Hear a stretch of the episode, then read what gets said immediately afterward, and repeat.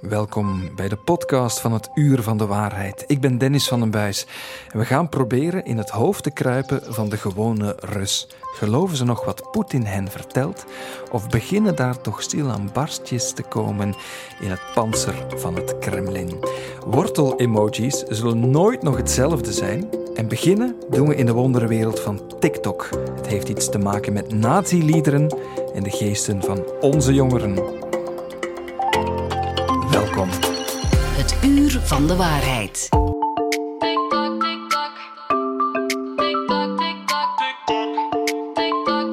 Het uur van de waarheid. En we kregen een TikTok-vraag van een collega Nahid, die ja, heel, heel bezorgd is over iets wat ze ziet gebeuren met haar kinderen. Ik heb een zoon van 11 jaar die op een dag na school, als ik hem ging ophalen, plots een Duits liedje begon te zingen in de auto. Um, het liedje klonk als iets uit de Tweede Wereldoorlog in het Duits. Het klonk militair als een marslied. En toen ik vroeg waar het vandaan kwam, zei hij van TikTok en dat het om te lachen was. Maar ik had er toch een raar gevoel bij en vroeg mij af of ik mij daar zorgen in moest maken. Het gaat over dit lied.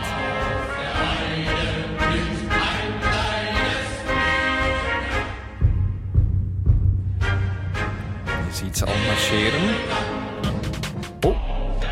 En een TikTok-remix liever kan ook niet ontbreken. Maar wat moeten we daarvan denken? We hebben een TikTok-specialist op onze redactie, Doreen van Meldert. Heel goedemorgen, Doreen. Goedemorgen. Welk lied is dit? Waar komt dit allemaal vandaan? Het is inderdaad het Erika-lied, geschreven in de jaren 30 van de vorige eeuw. En het is toen heel snel opgepikt door het naziregime. Um, de soldaten van de Weermacht gebruikten het als marslied. Ze zagen het als een symbool voor de liefde voor het vaderland toen. Maar na de Tweede Wereldoorlog is dat toch wat vervaagd, die link met het nazisme. Het is van een oorlogslied meer een volkslied geworden. Mhm. En tegenwoordig wordt het bijvoorbeeld ook nog door studenten op studentenkantussen gezongen. Dus de link met het nazisme is echt wel wat vervaagd. Ja, maar ooit was die er. Nu duikt het op op TikTok. Bij welke filmpjes of in welke context? Ja, eerst en vooral is het mij opgevallen dat het vooral opduikt in meer humoristische filmpjes. Bijvoorbeeld uh, filmpjes waarin je een kat ziet die heel erg op Hitler lijkt. En om die link met Hitler te benadrukken, gebruiken ze dus dat Duitse Erika-liedje. Een ander voorbeeld zijn uh, filmpjes van mensen die heel agressief een spin willen aanvallen met een spuitbus. Het is dus vooral in, in de meme-cultuur van jongeren past het. Ja, dat klinkt heel ludiek en onschuldig eigenlijk. Ah, toch niet helemaal. We hebben op de redactie een test uitgevoerd uh, door een nieuw account te maken op TikTok. En we zijn met dat nieuwe account die Erika-video's gaan bekijken, gaan liken. En wat blijkt, TikTok gaat ons al snel toch veel minder uh, onschuldige video's tonen. Filmpjes die extremistisch qua toon zijn, heel militair, gewelddadig, vrouwenvriendelijk, maar soms ook ronduit racistisch, zoals we in het volgende fragmentje een heel ja, racistische Pipi Langkous aan het woord horen. Ik zeg, zet alle bruine apen op de vlieger! Dat komt echt van TikTok. Dat gaat heel ver, hè? Ja, dat hebben we inderdaad teruggevonden. Door gewoon die Erika-liederen te bekijken, kwam dat opeens ook op onze For You-page, op onze overzichtspagina terecht. En uh, Erika is ook niet het enige Duitse oorlogslied dat we op TikTok hebben teruggevonden. Een ander lied is het Horst Wessel-lied. Dat was de officiële hymne van de Nazi-partij. Nu, het komt wel veel minder voor dan Erika op TikTok. En waarschijnlijk komt dat omdat dat lied na de Tweede Wereldoorlog verboden is. Oké, maar je komt dus wel in ja, die tunnel terecht, zeg maar. Hoe komt het dan ook dat dit zo viraal gaat en dat veel mensen dit bij hun kinderen horen, zoals we eigenlijk dit verhaal ook op ons radar hebben gekregen? En waarom gaat dit viraal? Ja, dat ligt deels aan het algoritme van TikTok.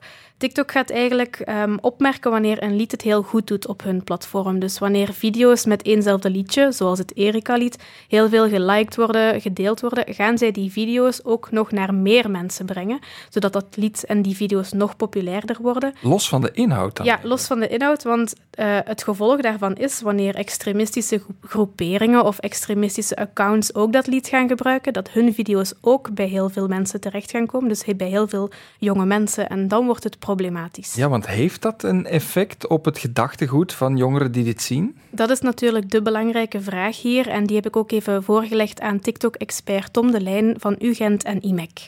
De meeste jongeren die daarmee in contact zullen komen, zullen er ook zelf al wel kritisch naar kijken en zullen het idee hebben van dit soort content is voor mij niet oké. Aan de andere kant, als jongeren misschien meer kwetsbaar zijn, kan het zijn dat zij wel ontvankelijk zijn voor zulke ideeën. Ja, dus er is wel een groep die daar gevoeliger voor is. Hoe moeten we daar dan mee omgaan? Moeten we dat verbieden? We, TikTok dan? Wat is slim of aangewezen? Ja, Tom heeft me verteld dat bijvoorbeeld ouders het ook niet te snel mogen veroordelen, hun kinderen zeker niet te hard over mogen aanpakken, maar vooral eens moeten vragen van, weet je eigenlijk waar dat liedje van komt, wat de geschiedenis daarvan is, maar hij had ook nog wel wat ander advies. Het is gebleken als we eigenlijk jongeren dingen gaan verbieden of als we tonen dat we geen begrip hebben voor wat zij te zien krijgen, dat zij zich misschien zelfs nog meer vervreemd kunnen voelen van de samenleving, dat ze het gevoel hebben dat ze niet gehoord worden, en dat kan er juist voor zorgen dat dat een extra voedingsbodem is om uh, meer met die gedachten te gaan spelen. Het kan dus wel zwaardere gevolgen hebben. Um, we hebben dit verhaal ook voorgelegd aan TikTok. Dat is normaal een heel onbereikbaar bedrijf, maar het is heel straf, want ze hebben op onze research, op jouw verhaal, Doreen, zo pas gereageerd. Ja, en daar ben ik heel blij om. Ik heb inderdaad met de woordvoerder even gesproken en die heeft mij meteen laten weten dat een aantal van de video's uit ons onderzoek intussen verwijderd zijn van het platform, dus dat is goed nieuws. Maar, grote kanttekening, ze geven ook wel toe dat uh, ja, ze weten dat niet alle video's die schadelijk zijn, dat ze die opmerken, dat hun algoritmes die vinden en verwijderen. Maar ze benadrukken wel dat ze er alles aan zullen doen om hun technieken daarover aan te passen en ervoor te zorgen dat TikTok een veiligere omgeving wordt. Oké, dus TikTok gaat aan de slag met wat wij ontdekt hebben. Dorien van Melder, dankjewel. Graag gedaan. Het uur van de waarheid. Het was een drukke week opnieuw als het ging over nieuws uh, over het conflict tussen Oekraïne en Rusland. Want de Russen verliezen terrein en intussen zijn er honderd graven ontdekt in een bos in een bevrijde Oekraïnse stad. Filmpjes doken op van Rusland dat uh, criminelen voor de oorlog recruteert in gevangenissen. Na zes maanden dienst ben je vrij. Nieuws dat allemaal tot bij ons komt. En dan vraag je je natuurlijk af, hoe kijken ze daar in Rusland zelf naar? Want er wordt wel eens gezegd, er komen krakjes in het panzer van het Kremlin. Maar is dat wel? Hoe kijken de Russen zelf naar alles wat er gebeurt? We hebben iemand bij ons ja, in een bevoorrechte positie die daarover kan spreken. Katja Segers, een heel goedemorgen. Goedemorgen. We kennen u als uh, ja, Vlaams parlementslid voor de Partij Vooruit, maar u bent tegelijkertijd ook professor communicatiewetenschappen, mediastudies aan de VUB. En u heeft familie in Rusland zitten. Hoe is die familieband juist? Um, wel, uh, mijn grootmoeder uh, die was 18 en woonde in Rostov-na-Donu, wat op 70 kilometer is van de Oekraïnse grens, toen Wereldoorlog 2 uh, eh, uitbrak. En zij is opgepakt geweest, samen met heel veel jonge mensen, gedeporteerd, ehm, eerst naar Auschwitz en dan geselecteerd om te gaan werken in een werkkamp in Duitsland. En daar heeft ze vier jaar lang in dat werkkamp gezeten. En nadien is, uh, ze niet teruggaan naar Rusland. Uh, want we weten dat weinig, maar uh, Stalin heeft Russen die in de kampen zaten beschouwd als besmet. En ehm, die zijn al de gulags gestuurd. Dus Rode Kruis zei, ga niet terug. En zo is hij in Liedekerke beland, waar ze tot haar dood nog niet zo lang geleden op 93-jarige leeftijd is gestorven. Ja, dus één tak van de familie is hier in Vlaanderen, maar nog andere familieleden van u wonen, werken in, in Rusland, dicht bij die Oekraïnse grens. Heeft u regelmatig contact met hen? Ja, dus de, de zus van mijn grootmoeder, haar dochter en haar twee dochters, uh, dat is mijn directe familie daar nog. En uh, vooral dankzij sociale media, vooral Facebook, hebben wij de laatste jaren intens contact. We, we volgen mekaars leven, we, we, zien wat er gebeurt. Um, Spreekt u Russisch dan met hen? Wel, ik spreek huistuin en keuken Russisch eh, om elkaar te schrijven, wat we nu veel doen, vooral via WhatsApp. Ja, dan gebruik ik eh, Google Translate, dat is iets makkelijker. En kan je alles ja, zeggen tegen elkaar via WhatsApp, via Facebook, over die oorlog, over Poetin? Nee. Eh, toen de oorlog uitbrak, ehm, heb ik onmiddellijk contact genomen met mijn oud-tante, zij is 70. En gevraagd me, Alla, hoe is daar? Want 70 kilometer, dat is vlak bij de grens. En je vraagt van, hoe is daar? En ze zei, oeh, oe, ja, ja, alles is oké. Ik zeg, ja, maar er is een oorlog begonnen. En ze geloofden het niet. En toen ik foto's doorstuurde van de oorlog, geloofden ze het nog niet.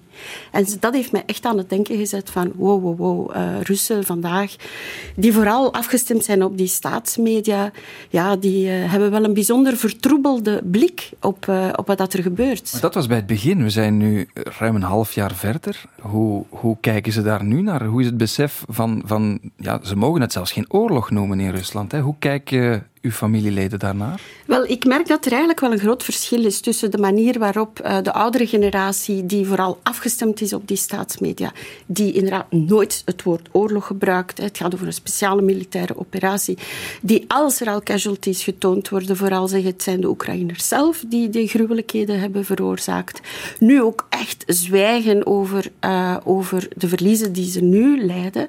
En men noemt het niet verliezen. Men zegt... Uh, we zijn aan onze troepen aan het verhuizen, is het woord dat gebruikt wordt. Wel, die generatie, ja, die, uh, die heeft het uh, heel moeilijk om te begrijpen wat dat er gebeurt en wil het ook uh, vaak niet begrijpen. Maar Russen hebben altijd zo in elkaar gezeten. Ze hebben onder Stalin, onder, onder, onder het communisme, onder zelfs de tsaren eigenlijk geleerd om te zwijgen en, en dingen niet onder ogen te zien. Uit, uit zelfbescherming eigenlijk, wat niet weet, niet deert. Ze doen maar wat in het Kremlin, of, of wat, wat zit daar dan achter? Ja, nee, dat is... Mijn nichtje, met wie dat ik ook converseerde, zat er een mooi woord voor. Ze zei, het is een aangeleerd hulpeloosheidssyndroom waarin, waaraan wij als Russen uh, lijden. Wij hebben geïnternaliseerd dat we toch niks kunnen veranderen aan de situatie. Dus het heeft geen zin om daarover te spreken, om te protesteren, want dat kan zich alleen maar tegen jou keren. Dus men zwijgt. Maar dat wil niet zeggen dat, dat men niet ziet wat er gebeurt. De jonge generatie van mijn nichtjes die niet vooral. Lisa zegt, ik kijk al jaren geen tv meer. Zij informeren zich via Telegram en vooral YouTube. YouTube is vandaag het medium dat minst gecensureerd wordt. En alle verbannen journalisten, je mag niet vergeten dat op 4 maart er een wet is gestemd die bepaalt dat je geen kritiek mag hebben op de oorlog. Wat maakt dat heel wat journalisten verbannen zijn geweest, gevlucht zijn geweest. En die zijn uh, YouTube-kanalen uh, beginnen opstarten. En zij informeren zich vooral via die kanalen. Maar dat is dan zeg maar de digitale jongere generatie. Dan heb je langs de andere kant die oudere generatie die misschien de staatscommunicatie volgt of het niet wil weten. Wat doet dat met, met families, met uw familie bijvoorbeeld? Want dan heb je twee verhalen aan één keukentafel. Ja, ik heb het hen gevraagd, maar ik vraag het aan hen elk apart. En dus we doen dat nu via WhatsApp, waar je vrij kan spreken. Messenger gebruiken we totaal niet, want daar wordt gecensureerd. Dat deden we aanvankelijk, maar waarbij dat we de woorden Poetin, oorlog, Oekraïne vermeden eigenlijk. Uh, nu is dat WhatsApp, kan je wel vrij uitspreken. Dus ik heb het hen gevraagd. Nu, ik zit bij hen niet aan tafel. Maar dus wat ik hoor en, en voel via die WhatsApp-conversaties, is dat mijn tante zeer op de vlakte blijft. Ze spreekt niet over de oorlog, ze spreekt vooral over de impact die dat doet van de sancties op hun leven. Ze zijn, we zeggen, ontredderd, we hebben uh, tekorten, we geraken niet aan geld, we voelen ons vernederd. Dus zij spreekt over hoe dat zij dat beleeft. En dat is ook de enige manier dat ze dat kan beleven, want wat er in Oekraïne gebeurt, weten ze gewoon niet. Aan de andere kant, eh, Katja Lisa, die, die, die, die hebben ook heel snel gevoeld van... Mm, we gaan vooral zwijgen. Dus ze zwijgen eigenlijk vandaag... Uh, ze spreken liever niet met elkaar over de oorlog, omdat dat, omdat dat een ver, ja, zou verdelen. Maar aan de andere kant heeft, heeft eh, Lisa mij ook gezegd dat Allah, dus die vooral aan het begin van de oorlog alleen naar de staatszenders keek, dat zij nu ook uh, eigenlijk die afgezworen heeft en alles volgt via YouTube en nu wel echt begint bewust te zijn. Kunnen we daar ook uit afleiden dat er toch geleidelijk aan bij de Russen, als die al bestaan, iets begint door te dringen van wat men vanuit Moskou tegen ons vertelt klopt niet? Of ja, wat moeten we maken van de machtspositie van Poetin? Kunnen we, kunnen we daar al conclusies over trekken? Want in het Westen wordt daar door sommigen over gedroomd nu natuurlijk. Ja, wel aan het begin van de oorlog hebben we gezien dat er wel protesten waren. Hè. We herinneren ons uh, de mensen die op straat kwamen met een blanco A, 4 hè, waar niks op stond, maar toch werden opgepakt.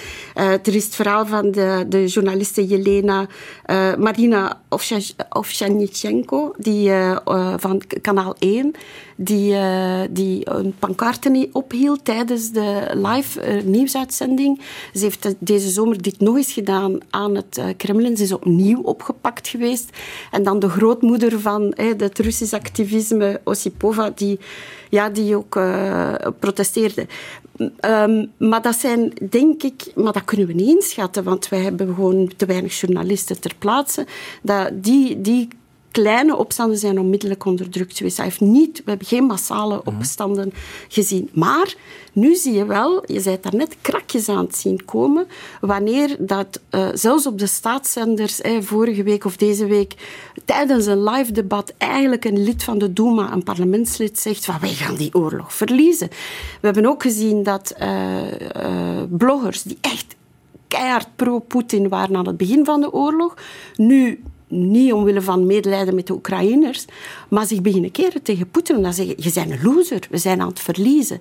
En dus je, dat regime kan wel die uh, ongelooflijk uitgekiende propagandastrategie en duidelijke lijn um, wel volhouden, maar kan niet tegenhouden dat daar toch uh, hier en daar, hier en daar toch wel andere berichten doorcijpelen. Ja, berichten die doorcijpelen is één ding. Zal dat ook, dat is misschien een slotvraag, gevolgen hebben voor wie er aan de macht is in Rusland, voor het gezag van iemand als Poetin en de klik daar rond? Of zal het zo'n vaart niet lopen volgens u? Wat, hoe schat u dat in? Ja, ik, heb, ik, ik ben geen politicoloog, ik, kijk, uh, niet, ik, ik kan daar, daar niet uh, met zekerheid over... En wij, niemand. Ik denk dat vandaag niemand Poetin kan, kan inschatten wat dat er zal gebeuren.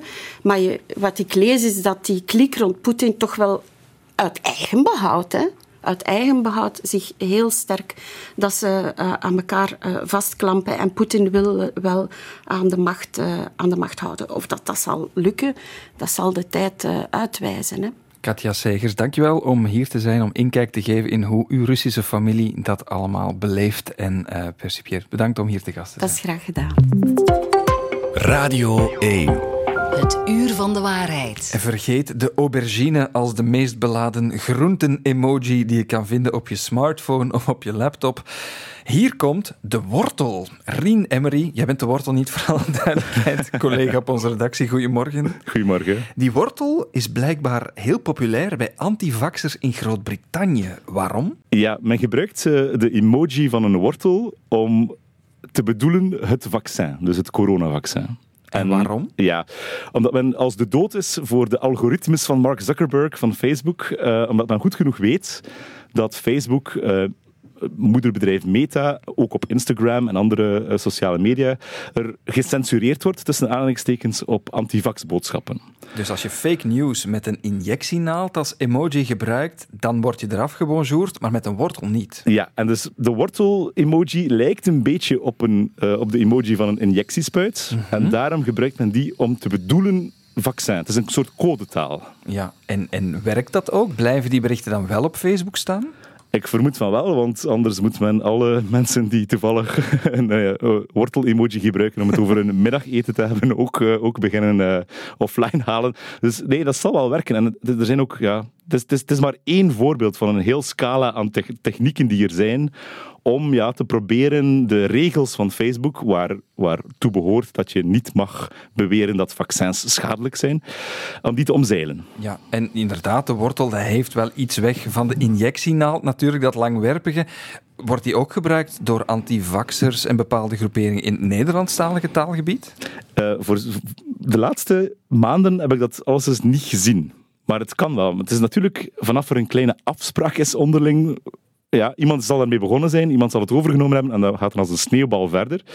Dus het kan nog wel komen, alleszins. Maar bij ons in, in Vlaanderen en Nederland heb je andere technieken om te proberen vaccin te zeggen zonder het woord vaccin te gebruiken. Probeer eens. Ja, dus men vervangt bijvoorbeeld de, de letter I in vaccin door een cijfer 1.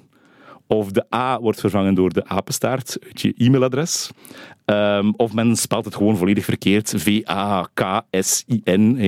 Zodat de spelling veranderd is, zodat het algoritme het niet herkent. Dat is... en, en, maar Facebook is toch ook wel ja, voorbereid op zulke dingen? Of totaal niet? Um, ze kunnen dat, dat niet achterna lopen, want er zijn zoveel verschillende permutaties waarin je dat kan proberen. Je kan dan bijvoorbeeld de, de Turkse i gebruiken zonder puntje. Je kan ja. beginnen letters gebruiken uit het Cyrillisch alfabet die erop lijken, maar die ook niet herkend worden als westerse letters. Zo gaat het verder en verder. Dus er zijn heel veel mogelijkheden. Je kan gewoon ook andere woorden gebruiken. Hè. Als je afspreekt onderling om te spreken over de smurfen in plaats van over de vaccins. Zoals echt gebeurt bij ons. Uh, ja? Ja, ja. wordt, wordt regelmatig gedaan. Uh, mensen die gesmurfd zijn in plaats van gevaccineerd. Ja, men, men, men kan van alles verzinnen en Facebook kan daar nooit achterna lopen, zo'n zaak. Oké, okay. weer iets bijgeleerd dankzij het uh, emoticon, of de emoji moet ik ik zeggen, van de wortel op sociale media. Rien Emery, dankjewel. Ciao. Het uur van de waarheid. De chef checkt. Elke week geef ik ook een overzicht van de meest opmerkelijke factchecks die in de media verschenen zijn. Wat was waar en wat niet. En onze chef, dat is nog altijd Luc van Bakel. Luc, goedemorgen. Goedemorgen, Dennis. Deze week ben je niet alleen een uh, chef checkt, maar ook een soort kersenplukker, want we gaan het hebben over het fenomeen cherrypicking. Cherrypicking, absoluut. En wat is dat nu, cherrypicking? Dat is een discussietactiek, Dennis. Die wordt ook veel gebruikt bij nepnieuws. Zo werkt het. Je gebruikt bij een verhaal enkel die bewijzen en die uitspraken die je standpunt onderbouwen.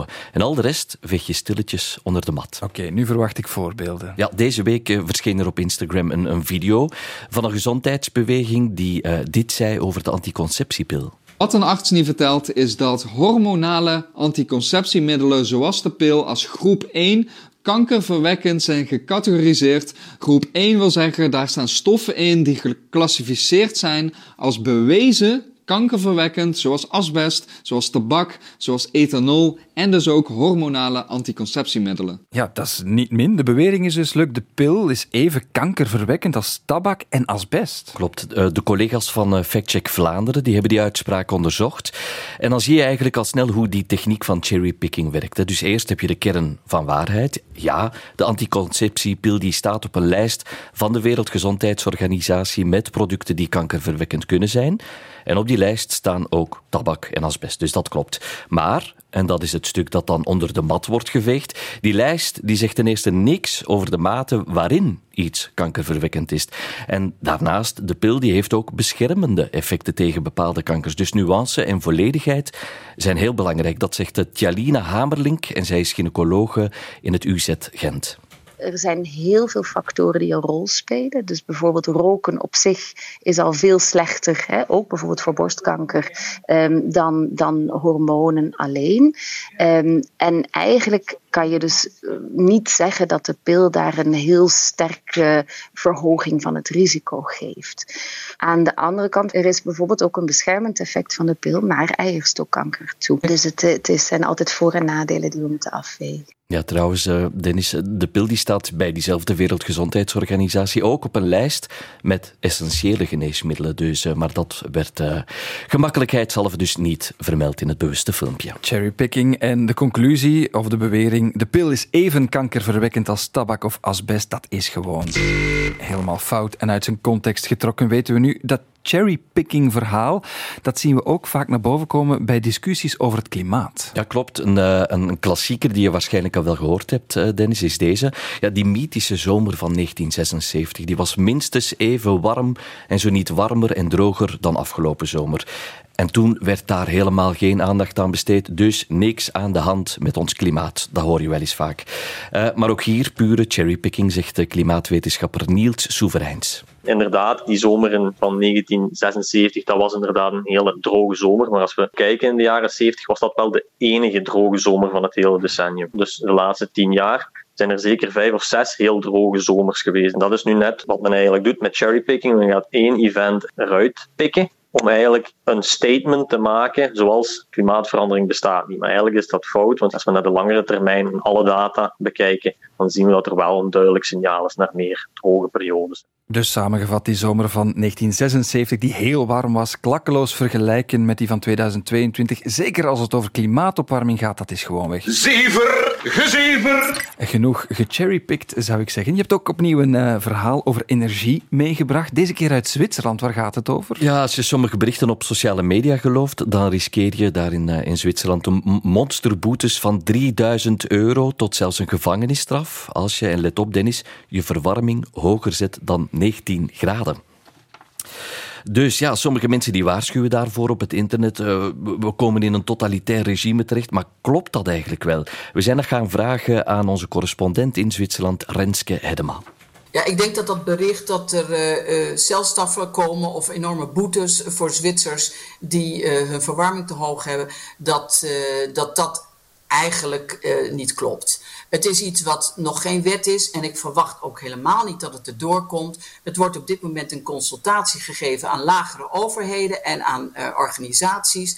En ik verwacht dat het advies wat terugkomt daarvan is, uh, dames en heren, laten we dat niet doen. Uh, we kunnen geen wetgeving uitvaardigen die we niet kunnen handhaven. Dus laten we dat niet doen. Dus dat lijkt eigenlijk gewoonweg uh, niet te kloppen. Voorlopig geen boetes omdat die verwarming in Zwitserland te hoog zit. Maar het is misschien toch ook een beetje want het is wel opgenomen in een Zwitsers wetsontwerp. Dus we moeten dat over een paar weken misschien nog eens checken, Luc. Ja, al is de kans klein dat het er komt. Mensen die ook zoiets willen laten weten of iets laten checken, waar kunnen ze terecht, Luc? Wel, ze kunnen terecht op het uur van de waarheid at radio1.be. En alle factchecks en verhalen die we hier vertellen, die kun je ook nalezen op uh, thecheckers.be. En op die pagina vind je alle factchecks terug van VRT, van KNAK en van Factcheck Vlaanderen. Tot volgende week, Luc. Graag. Het uur van de waarheid. Ik kijk op dit moment naar een selfie op Instagram. Het is van een jonge dame, een influencer. Ik ken ze niet. Ze staat op Times Square in New York. En je kent dat wel, zo'n pose die schijnbaar heel natuurlijk lijkt, maar er toch lekker gecomposeerd uitziet. Die foto zie ik aan de linkerkant en rechts zie ik diezelfde scène, maar dan door een bewakingscamera opgenomen. Ook op en rond Times Square, maar dezelfde personen.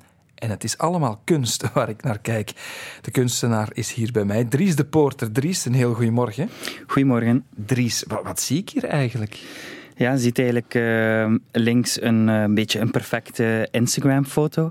En daar rechts zie je eigenlijk een, uh, een video van hoe dat die, een beetje de making-of van hoe die in Instagram genomen is. Hoe ben je op het idee gekomen om, om dat op deze manier te maken, die Goh, kunstwerken? Ja, Goeie vraag. Ik maak eigenlijk al uh, heel veel jaar uh, werk met onbeveiligde camera's. Um, en ja, ik toon die in allerlei soorten vormen, in allerlei soorten projecten. Um, en op een dag was ik naar zo'n camera aan het kijken en ik zag eigenlijk een persoon heel lang een uh, foto maken. Dus echt zo 20 minuten, 30 minuten bezig. Ik dacht, oké, okay, ziet er wel een soort van influencer uit. Ik ga een keer proberen die foto op te zoeken op Instagram. Um, en ik vond die niet. En toen dacht ik van, zou ik dat met behulp van software wel kunnen doen. En eigenlijk wat er nu online staat in het project The Follower zijn de resultaten van die uh, software. Ja, want hoe ga je dan eigenlijk te werk? Begin je met die selfie en ga je dan kijken welke camerabeelden kan ik in de buurt opzoeken? Of, of hoe gaat het mm -hmm. in zijn werk? Nee, technisch is het eigenlijk omgekeerd. Uh, ik heb bepaalde camera's uitgekozen die openbaar zijn. En dat zijn camera's die, uh, waarbij dat mensen heel dicht zijn, waar het gezicht duidelijk te zien is, maar ook plaatsen waar er heel veel Instagrams genomen worden. Ik ben vertrokken vanuit die camera's, die heb ik opgenomen voor weken. En dan heb ik eigenlijk uh, ook software, uh, Instagrams van die locaties waar dan die camera's staan, laten opslaan. En dan het volgende is eigenlijk software die kijkt van oké, kan ik die Instagrams, die, die personen in die uren of ja, wekenlange uh, videoreeks vinden in die, uh, in die openbare camera's. Dus het is eigenlijk een beetje de omgekeerde manier hoe ik tot de resultaten ben terechtgekomen. Ja, het is heel confronterend. Hè? Het, het, het, geeft een soort van... Ik, ben, ik sta zelf niet op die foto, maar het lijkt alsof die mensen betrapt zijn op het moment dat ze die foto nemen. Hè? Wat is het doel van, van deze kunst? Want je hebt een hele reeks gemaakt en filmpjes op Instagram ook. Hè? Mm -hmm. Ik denk dat dat voor een publiek die de videoreeks heeft bekeken wel duidelijk is. Um, en ik toon met mijn werk een beetje de gevaren van uh, nieuwe technologieën. Uh, en uh, ja, dat is het. Ehm, maar ja, ik doe daar niet echt graag uitspraken over. dat ik laat dat graag aan over, de kunstenaar, ja. Ik laat dat echt graag over aan de kijker eigenlijk. Wat mij ook wel fascineert, Dries, is dat er zoveel open camera's zijn waar je mensen dan gewoon op kan vinden. Want dat er camerabeelden bestaan, dat is één ding. Dat jij hier als kunstenaar die beelden kan vinden en gebruiken, dat is toch best opmerkelijk, niet? Ja, uh, dat is inderdaad zo. Dat zijn openbare camera's. En ik ben één persoon. Ik werk altijd uh, ja, op, een, op mijn eigen. Ik besta niet uit een team of zo. En ik vind dat ook wel interessant dat ik dat kan doen. Je moet je dan een keer inbeelden wat dat een uh, overheid uh, kan doen die toegang heeft tot heel veel meer camera's en veel meer data. En uh, ja, bij mij is dat heel beperkt. Uh, en, en ook mijn kennis is uh, beperkt. Maar... Toch kan je dit doen, want dan gebruik je gezichtsherkenning bijvoorbeeld om dan die selfie te matchen aan die camerabeelden? Ja, dat is een van de technieken die ik gebruik. en mag dat? Ja, dat, ik word wel uh, legaal. Uh, het zijn mensen die mij ook. iedere keer dat ik een project online plaats, laat ik dat wel door mensen bekijken die mij advies geven. Ehm, ja, dat ligt vaak, ja, dat laat ik ook een beetje open. Ja, heel veel vraagtekens, maar het zet aan tot nadenken. Wie, eh, wie ook mee aan het luisteren is, die we ook even gaan bijhalen, dat is een specialist IT-recht, privacy-activist ook, Matthias Dobbelare Welvaart. Matthias, een goedemorgen ook voor jou.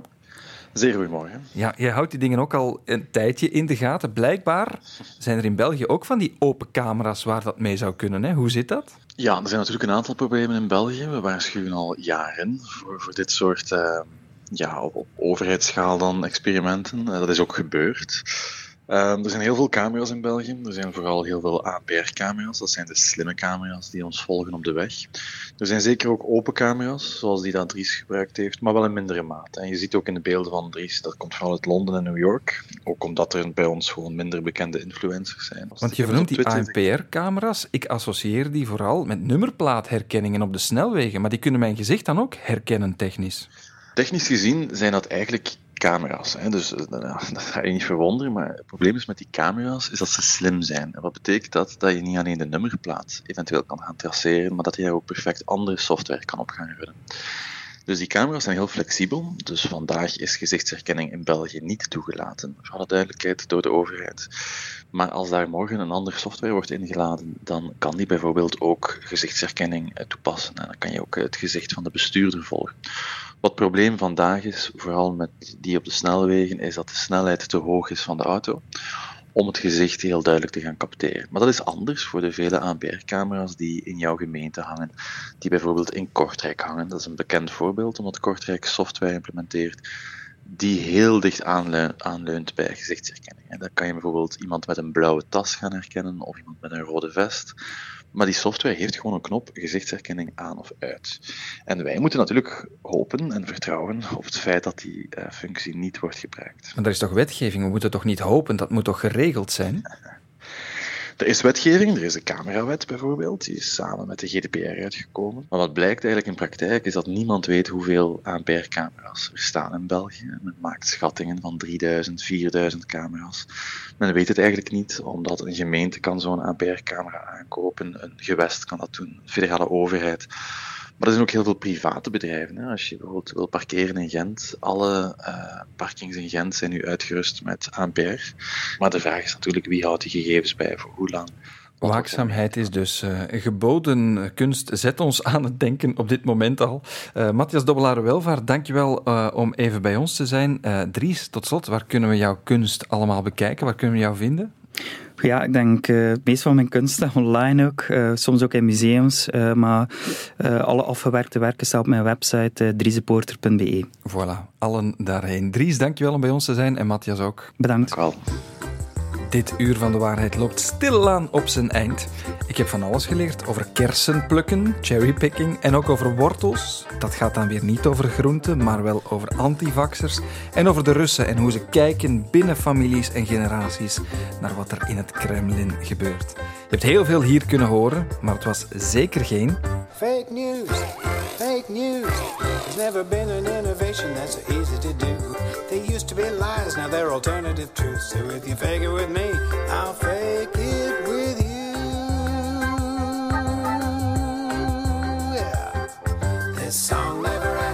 Dit was het Uur van de Waarheid, een podcast van VRT Nieuws en Radio 1. Wil je meer straffe verhalen en podcasts ontdekken? Ga naar op zoek en vind ze in de app van VRT Max.